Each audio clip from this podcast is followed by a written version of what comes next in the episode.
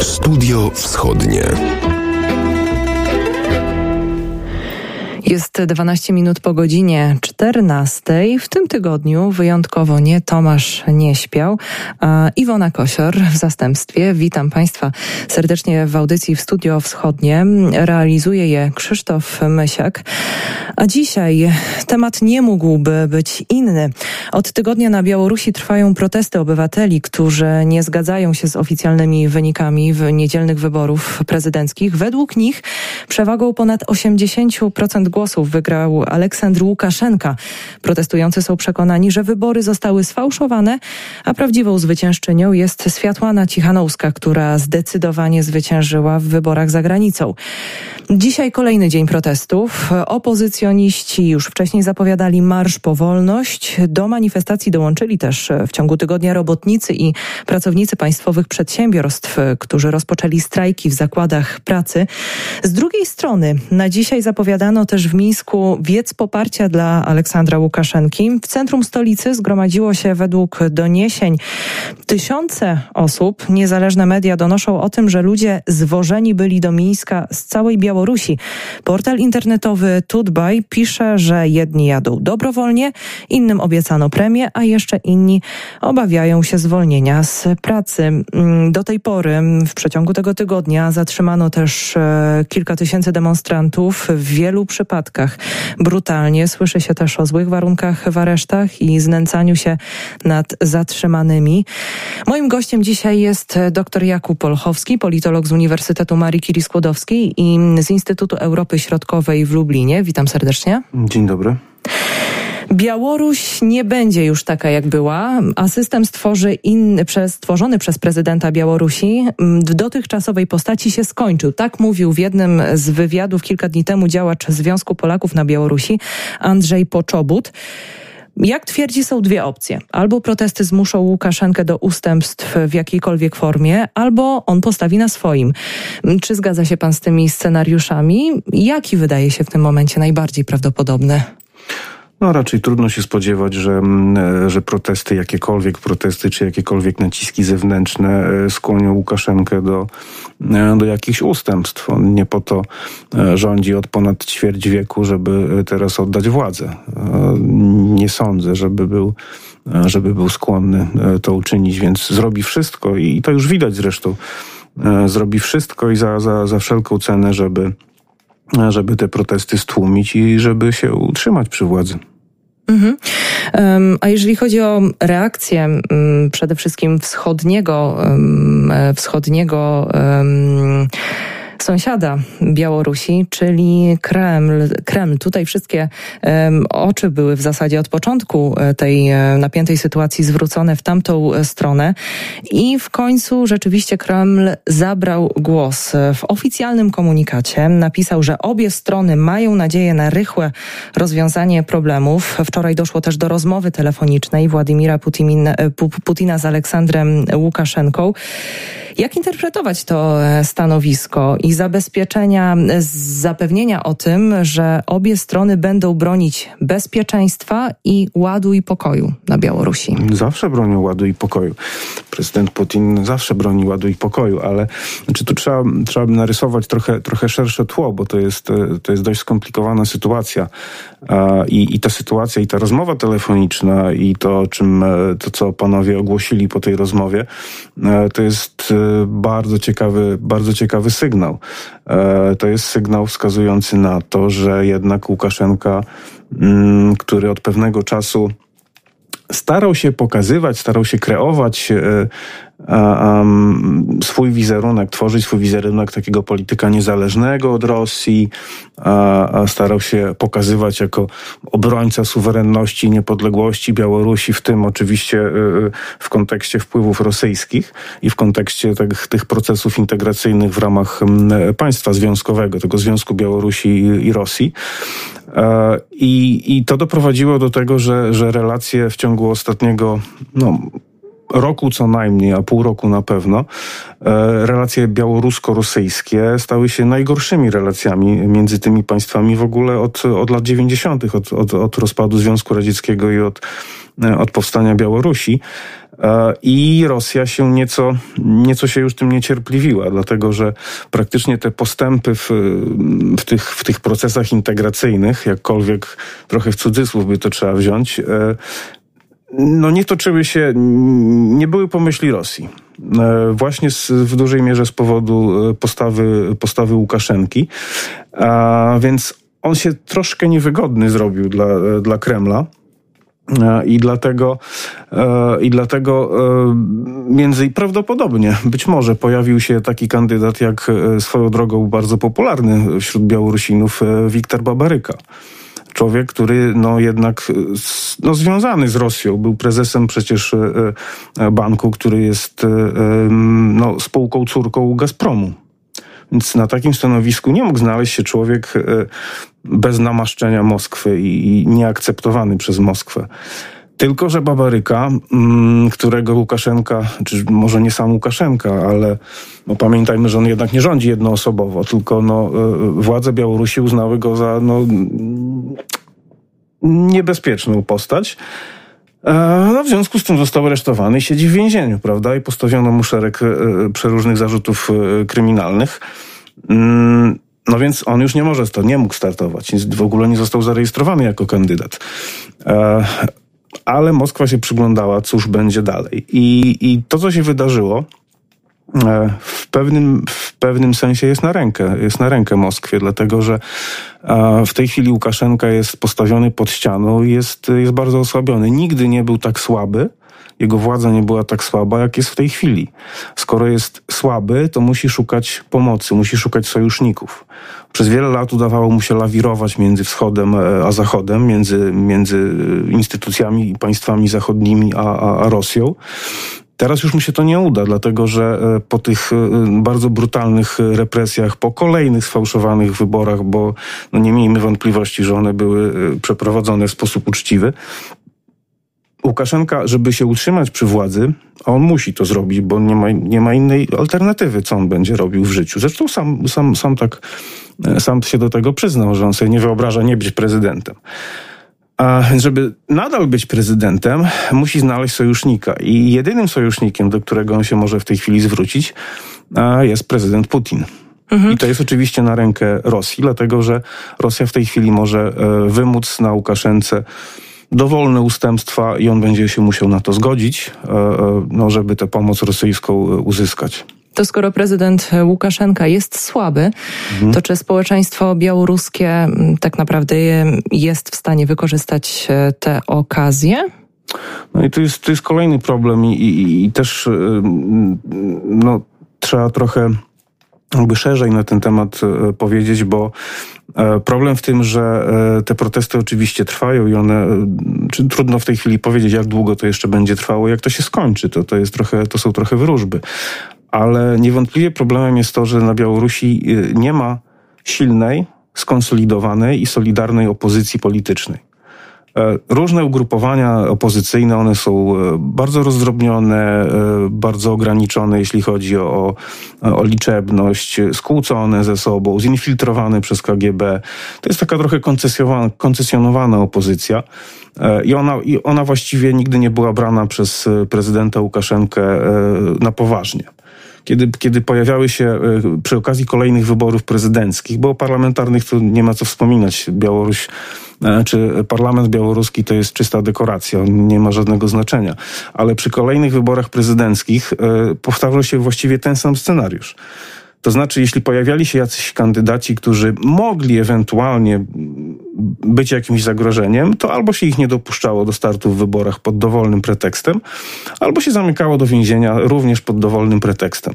A jeśli były jakieś protesty, to się, e, to oczywiście scenariusz również był za każdym razem ten sam, czyli wysyłamy OMON, OMON mówiąc kolokwialnie, spuszcza łomot e, protestan- protestującym jest spokój. I Łukaszenka był przekonany prawdopodobnie, że tym razem też tak będzie, bo ten scenariusz się, tak, się, się, się powtórzył.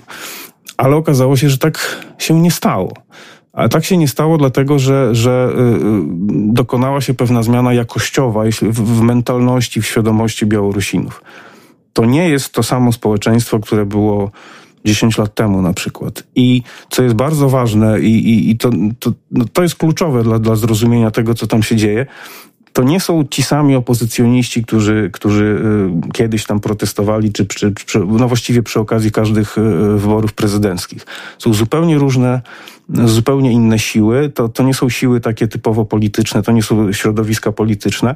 Tym bardziej, że do nich mm, Białorusini, którzy są dość czy do tej pory byli dość raczej bierni, jeśli chodzi o aktywność taką polityczno-społeczną. E, oni nigdy też nie mieli specjalnie zaufania do, do, do, do, do jakichkolwiek instytucji politycznych, e, także do tych, do tych organizacji opozycyjnych. E, tym razem jest zupełnie inaczej. To jest, mhm. to jest, to jest protest oddolny, który wyszedł właściwie z, właściwie z takich środowisk niezwiązanych z polityką. No tak, to są na przykład blogerzy, chociażby tak. mąż Światłany Cichanowskiej, tak. oficjalnej kandydatki, która wystartowała po tym, jak jej mąż na początku, jego um, komitet nie został zarejestrowany, a później sam CRH został aresztowany przez e, władze białoruskie. Tak. I, i tu są tu też bardzo dwa, dwa bardzo ciekawe wątki się pojawiają właśnie odnoszące się do, do, do, do, do Światłany Cichanowskiej, bo e, po pierwsze ona właśnie reprezentuje i, i to jej przysporzyło tak gigantycznej popularności. On reprezentuje normalnych, prostych ludzi. Tak jest, tak jest odbierana. To jest zwykły człowiek, niezwiązany z żadną działalnością polityczną. E, to nie jest osoba, nie była nigdy osobą, osobą publiczną, więc jest traktowana jako, jako swoja.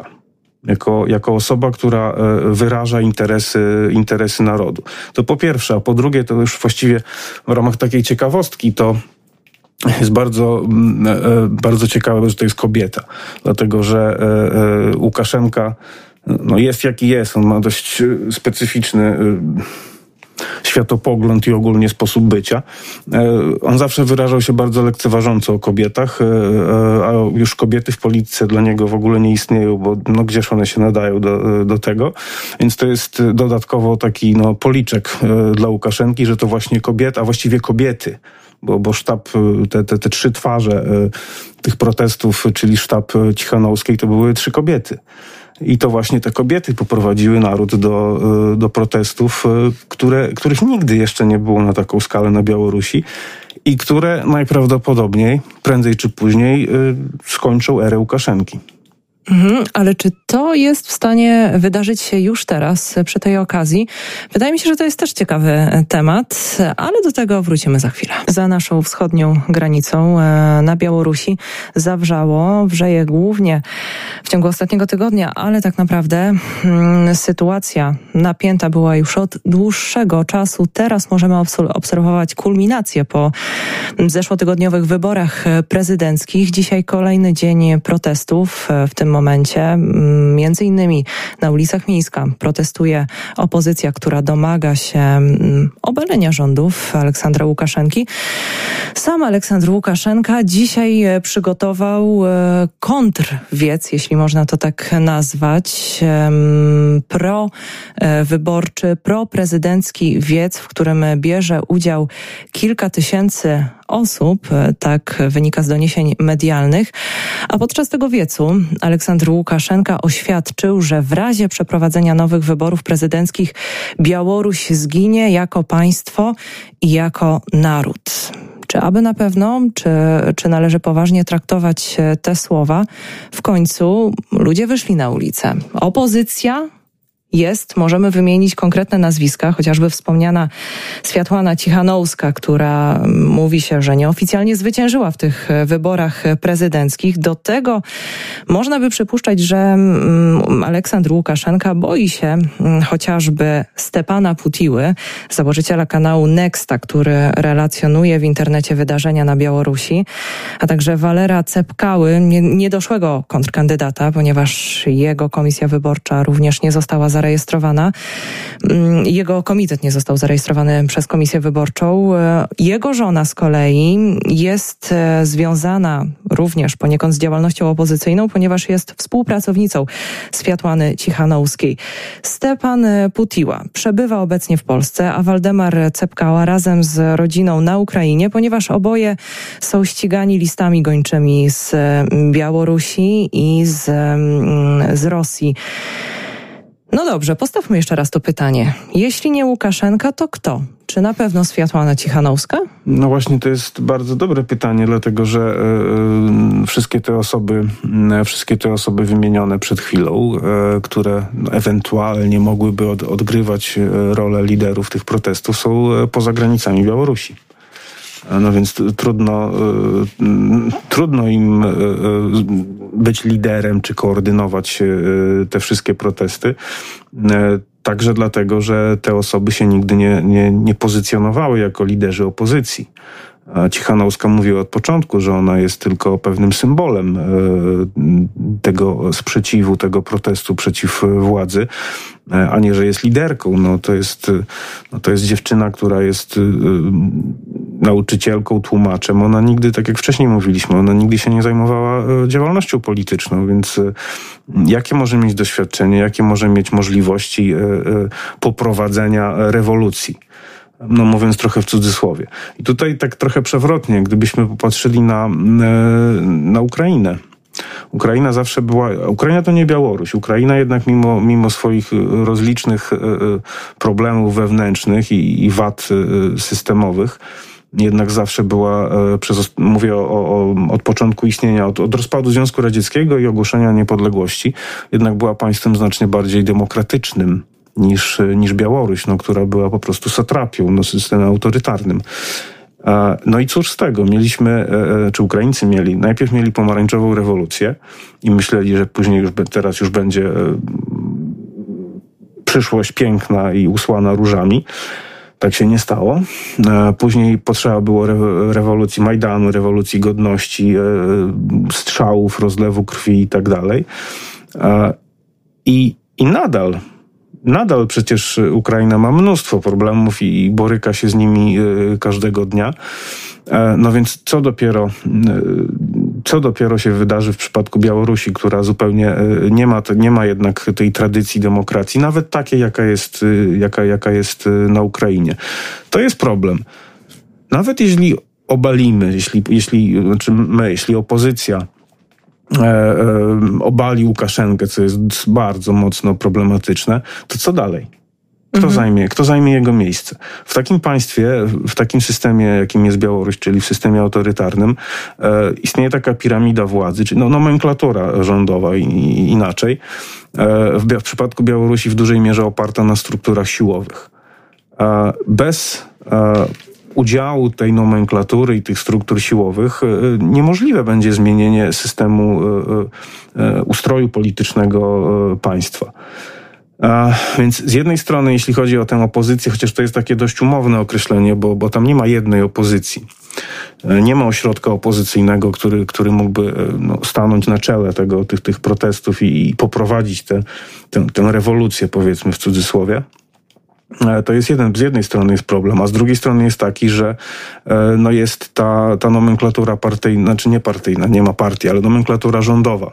E, te, te struktury, struktury władzy, no dość zabetonowane, dość archaiczne i no to one musiałyby się zwrócić przeciwko Łukaszence. Tylko, że nawet jeśli, tak jak mówiliśmy przed chwilą, jeśli go, jeśli on zostanie usunięty, to kto tam przejmie władzę? Wcale nie ma, tak, nie ma to żadnej nie jest tylko gwarancji. kwestia prezydenta, tylko oczywiście, całej rzeszy Oczywiście, osób. całego, całego systemu I, i nie ma żadnej gwarancji. Właściwie skąd miałaby się taka osoba wziąć? No, nie ma takiej osoby na horyzoncie, że nagle Białoruś będzie państwem demokratycznym, liberalnym, etc. To jest, to jest bardzo mało prawdopodobne w, w najbliższej przyszłości.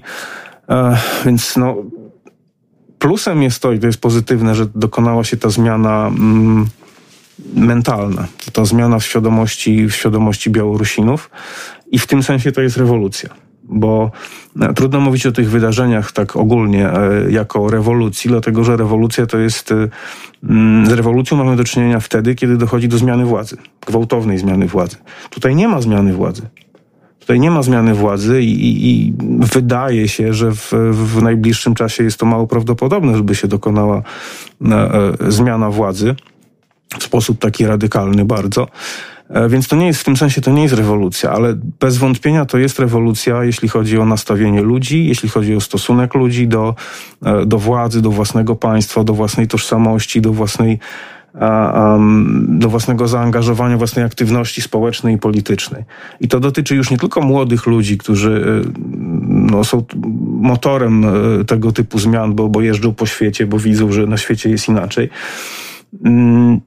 Ta zmiana mentalna dotyczy też ludzi na przykład starszych, którzy widzą, widzą co się dzieje, widzą, że milicja, że OMON, że, że siły porządkowe po prostu leją ludzi na ulicach i, i, i że w więzieniach siedzi 7-8 tysięcy y, ludzi. I to też widzą osoby starsze, bo im na przykład wnuczek, czy, czy syn, czy, czy dziecko pokazuje na telefonie te wszystkie nagrania, które są, e, które są, są rozpowszechniane.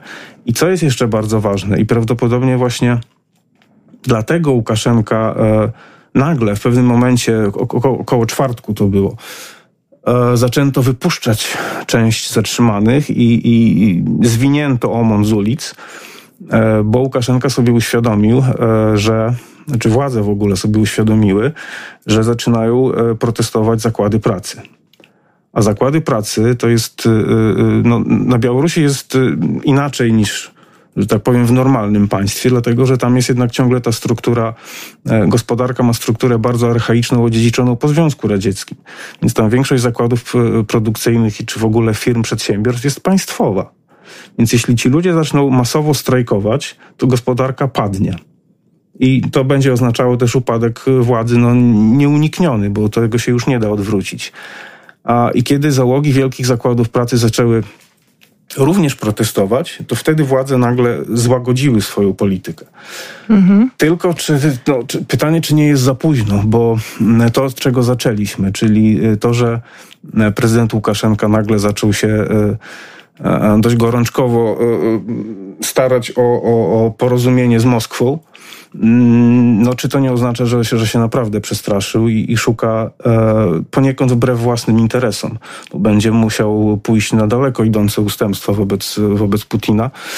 E, no czy się nie przestraszył tego, że, że rzeczywiście, no niestety, trudno. E, lepiej się, lepiej pójść na ustępstwa wobec Moskwy niż stracić władzę. Mhm. Na pewno wzorów demokracji też e, zazwyczaj szuka się na Zachodzie. Czy w takim razie zachodnie państwa są w stanie odegrać e, kluczową albo w ogóle znaczącą rolę e, w sytuacji na Białorusi? Czy, czy, czy możemy zakładać takie, mm, e, taki scenariusz, że społeczeństwo białoruskie będzie mm, sięgać po pomoc gdzieś na zachód? Skoro już ustaliliśmy, że no, ciężko w tym momencie zebrać na tak znaczącą grupę osób, która byłaby w stanie sama, bez pomocy z zewnątrz, nazwijmy to tak, mm, zastąpić tych, którzy w tym momencie stanowią o białoruskim państwie? No, tu, tu, tu jest też kilka wątków, bo oczywiście nasuwa się jakby ten taka, taka narracja, którą lansują mm, właśnie władze Białorusi, że no, przecież to jest oczywiście i tak inspirowane z Zachodu, przez, e, z Litwy, Polski, Holandii, Wielkiej Brytanii, Stanów Zjednoczonych i, i, i Brukseli najogólniej rzecz mówiąc. E, e, no ale oni to powtarzają od, od lat. To jest, to jest znowu element, ten sam, ten sam scenariusz się powtarza, czyli chcą nas zniszczyć, a my tu jesteśmy, przecież bronimy naszej niezależności i tak dalej. Ale mówiąc poważnie, czy chociaż oczywiście wiele osób także w Polsce wierzy w te, w, w te historie, że mhm. to jest wszystko inspirowane z Zachodu, tak jak i Majdan w Kijowie był inspirowany z Zachodu i tak dalej. Mm, natomiast y, no oczywiście tak, oczywiście społeczeństwo białoruskie no dość niezorganizowane politycznie. On, no tak jak już, już o tym wspominaliśmy, raczej sobie, raczej trudno będzie y, dać sobie, dać sobie radę y, Białorusinom mm, z uporządkowaniem państwa po, po Łukaszence bez pomocy Zachodu. Przy czym, co, co tu rozumiemy przez, pod tym pojęciem pomoc mhm. Zachodu? No, to też warto powiedzieć, może też nieco gorzko, ale, e, ale no trochę jest późno na to. Dlatego, że e, przez, powiedzmy sobie jas, powiedzmy sobie szczerze, przez ostatnich dwadzieścia parę lat Zachód się właściwie Białorusią nie interesował. Z różnych względów. No, a to taka część Rosji właściwie, gdzie to w ogóle jest, co nas to obchodzi, niech oni sobie tam w tym swoim kołchozie żyją. I, i w Polsce też takie, takie, takie podejście y, było dość, dość powszechne. I no i to był błąd, bo, bo trzeba, było, trzeba było pomagać Białorusi w ten sposób, żeby właśnie wspierać oddolne inicjatywy, wspierać jakby świadom, rozwój świadomości obywatelskiej Białorusinów a nie, oczywiście niekoniecznie prowadzić jakieś e, e, e, szeroko zakrojone operacje polityczne, tylko trzeba było jasno mówić Łukaszence, a, a też różnie bywało i były próby różnego tam układania się z nimi i tak dalej. Zresztą on dość, dość taką sprawną politykę tego lawirowania prowadził między wschodem a zachodem, ale trzeba było mu jasno od początku mówić, że no nie, z tobą to, to my nie chcemy gadać a jednocześnie e, e, pomagać e, w rozwoju tego społeczeństwa obywatelskiego, co z drugiej strony też, no powiedzmy, nie było łatwe, bo w, w, państwie, które jest państwem de facto autorytarnym i gdzie wszystko jest kontrolowane, no, no trudno jest trudno jest komukolwiek pomagać w jakiejś działalności, E, którą państwo może uznać za e, wrogą czy, czy antypaństwową, a wielokrotnie tak bywało, że no, i media niezależne były prześladowane i represjonowane i, i właśnie wszelkie organizacje społeczne e, i tak dalej chyba trudno teraz będzie odrobić te wszystkie straty i, no, te zaniedbania, które się nawarstwiły przez, przez, przez te wszystkie lata. Mhm, to skoro, skoro już wspominamy o reakcji Zachodu, um, chociażby nasze polskie władze, um, Oczywiście, razem jednym głosem z innymi e, państwami apelują o spokój, e, apelują o poszanowanie, poszanowanie swobód obywatelskich, ale też e, apelują do Unii Europejskiej o zdecydowaną reakcję. W piątek szef unijnej e, dyplomacji informował o tym, że już trwają prace nad kolejnymi sankcjami wymierzonymi przeciwko Białorusi. Czy te sankcje rzeczywiście faktycznie mogą mieć jakiekolwiek przełożenie realne na tę sytuację, czy rzeczywiście mogą uderzyć e, w Łukaszenkę? Znaczy, po pierwsze, apelowanie do e, do Aleksandra Łukaszenki o, o, o, o dialog i o deeskalację y, i o złagodzenie swoich działań i tak dalej. To jest trochę tak jak apelowanie do wilka, żeby y, nie jadł owieczek, bo y, na przykład marchewka jest smaczniejsza. Tak, wydaje mi się, że chyba to każdy ma, odbiera to, to, to, to, to nie, nie, ma, nie ma większego, znaczy to nie przyniesie, to nie przyniesie większych rezultatów, bo Łukaszenka e, chce się utrzymać przy władzy i nie będzie się oglądał na jakieś apele. Ktokolwiek by te apele wystosowywał. E, więc y, to raczej nie pomoże. Natomiast jeśli chodzi o sankcje, to oczywiście y, jest mowa o sankcjach, z tym, że te sankcje mają być nałożone, jeśli zostaną nałożone, y, nie tyle na Białoruś, co na, na konkretne osoby, na konkretne instytucje, e, na te osoby, które no, z elity władzy, czy, czy te osoby, które były odpowiedzialne za, za te brutalne represje wobec, wobec protestujących. Tylko, że mm, no, dla nich to też nie jest nowość bo, bo te sankcje y, są od wielu lat. Y, mhm. I, Ostatnie nakładane w 2010 roku. I one, I one specjalnie, jak widzimy, nie, nie przyniosły większych rezultatów, więc y, przypuszczalnie i, i tym razem one nie przyniosą większych rezultatów, tym bardziej, że czy sytuacja jest bardzo dynamiczna, bo, bo tu znowu jednak pojawia się Rosja. I to jest jeszcze kilka dni temu, kiedy pojawiły się doniesienia, że no może i w tym wypadku, tak jak w przypadku Ukrainy, Rosja jakieś będzie mm, może prowadzić działania hybrydowe, może jakieś zielone ludziki się pojawią. To jeszcze kilka dni temu wydawało się y, no, no trochę takimi, mm, trochę bajkami, trochę, trochę science political fiction. Ale teraz to już wcale nie jest taka, taka fikcja. Po tej, po tej rozmowie telefonicznej Łukaszenki z, z Putinem, kiedy oni za, z, zaakcentowali, że y, no, będą tu stać na straży bezpieczeństwa i, i, niezależności y, nawet nie tyle Białorusi, co e, całego państwa związkowego. To też jest bardzo, bardzo ważne, bo to oznacza, że, e, że Łukaszenka się ugiął. Czy ugiął i, i przyjął tę narrację rosyjską i, i no, po prostu zależy mu na utrzymaniu się na, na stanowisku. No, chce być nadal prezydentem, nawet jeśli będzie to oznaczało, że będzie takim trochę malowanym prezydentem i, i generalnie to, to dyrektywy będą z Moskwy płynęły. e, no to jednak, e, to jednak widać, że, że teraz już rzeczywiście sytuacja się, się, się zmieniła i wcale niewykluczone jest, że tutaj jednak Rosja w sposób bardziej zdecydowany włączy się w, w tę sytuację, bo w tej chwili z punktu widzenia Rosji to właśnie Łukaszenka znaczy utrzymanie Łukaszenki na stanowisku prezydenta Białorusi jest w interesie Rosji. Dlatego, że on jest tak słaby, że y, można go sobie podporządkować. Gdyby doszło tam do jakichś, jakichś zmian rewolucyjnych, no, no jest to raczej mało prawdopodobne w tej chwili, ale gdyby doszło do takich zmian, to, mm, no to Rosja by od początku musiała sobie mhm. prawda, układać tam y, swoje swoje interesy i swoje gry, a dopóki jest Łukaszenka, to wszystko jest, wszystko jest przewidywalne, wszystko jest pod kontrolą, zwłaszcza kiedy będzie w takiej sytuacji, że nie bardzo będzie mógł, no mówiąc wprost, podskakiwać i, i, i, i tak, jak, tak jak to robił przez ostatni rok czy, czy, czy pół roku co najmniej. Mhm. W momencie, kiedy mówimy o większej kontroli Rosji nad jednym z naszych e, wschodnich sąsiadów, sytuacja staje się coraz bardziej poważna, przede wszystkim dla Polski. Ale do tego tematu wrócimy za chwilę. Co najmniej kilkadziesiąt tysięcy osób zebrało się już pod pomnikiem miasta bohatera w centrum Mińska. Uczestnicy Marszu Wolności po raz kolejny domagają się uczciwych wyborów i zmiany władzy w kraju. Tego już się nie da zatrzymać, musi nastąpić zmiana, tak mówią uczestnicy marszu. Czy to się rzeczywiście wydarzy? Myślę, że głosów jest wiele. Na pewno też e, każdy dyktator, który, który rządził w historii świata, który e, w tym momencie ma w rękach władzę nad całym narodem, musi mieć świadomość, że społeczeństwo nigdy nie, nie zostanie takie, takie samo.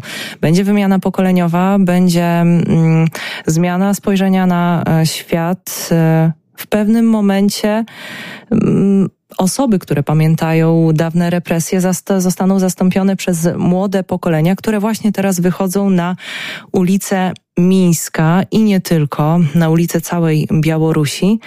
Ale czy to wystarczy? To pytanie zadajemy sobie od początku e, tej audycji i warto też zadać sobie pytanie, co to wszystko oznacza dla Polski? W jakiej sytuacji znajduje się w tym wszystkim Polska?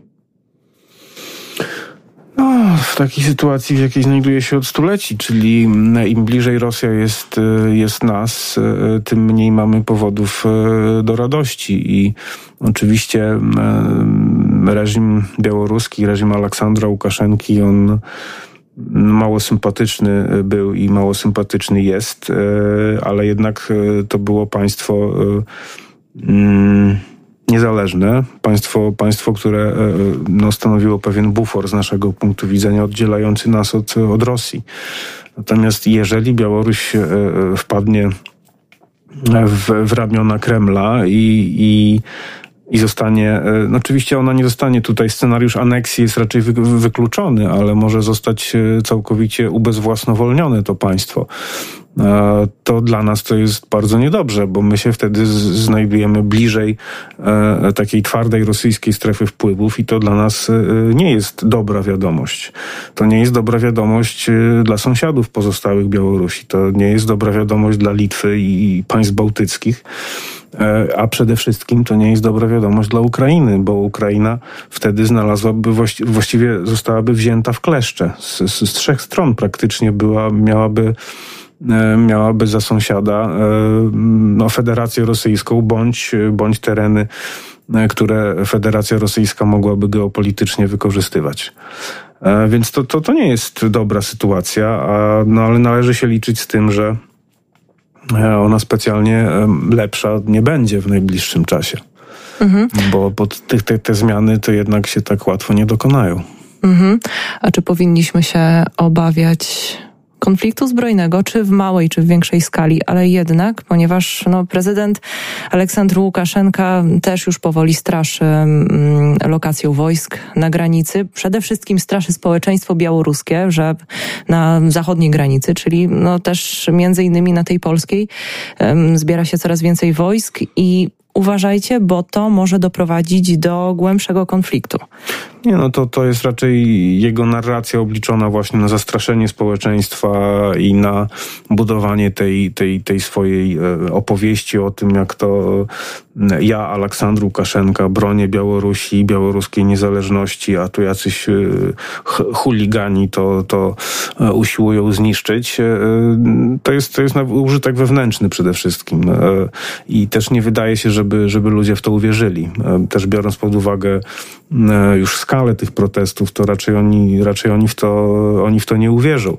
Konflikt zbrojny jest raczej mało prawdopodobny, no bo y, czyj, znaczy kto z kim miałby, y, miałby tu walczyć?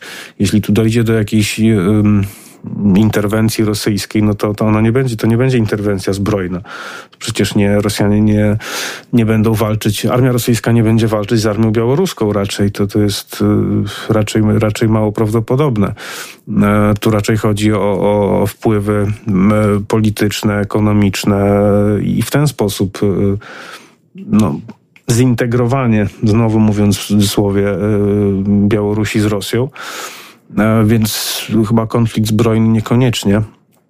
Ale to też e, przecież nie oznacza, że, e, że jest się z czego cieszyć. Znaczy, cieszmy się, że, że, że pewnie konfliktu nie będzie zbrojnego, mhm. ale, ale tak czy owak sytuacja no, no, nie jest jakoś optymistyczna specjalnie.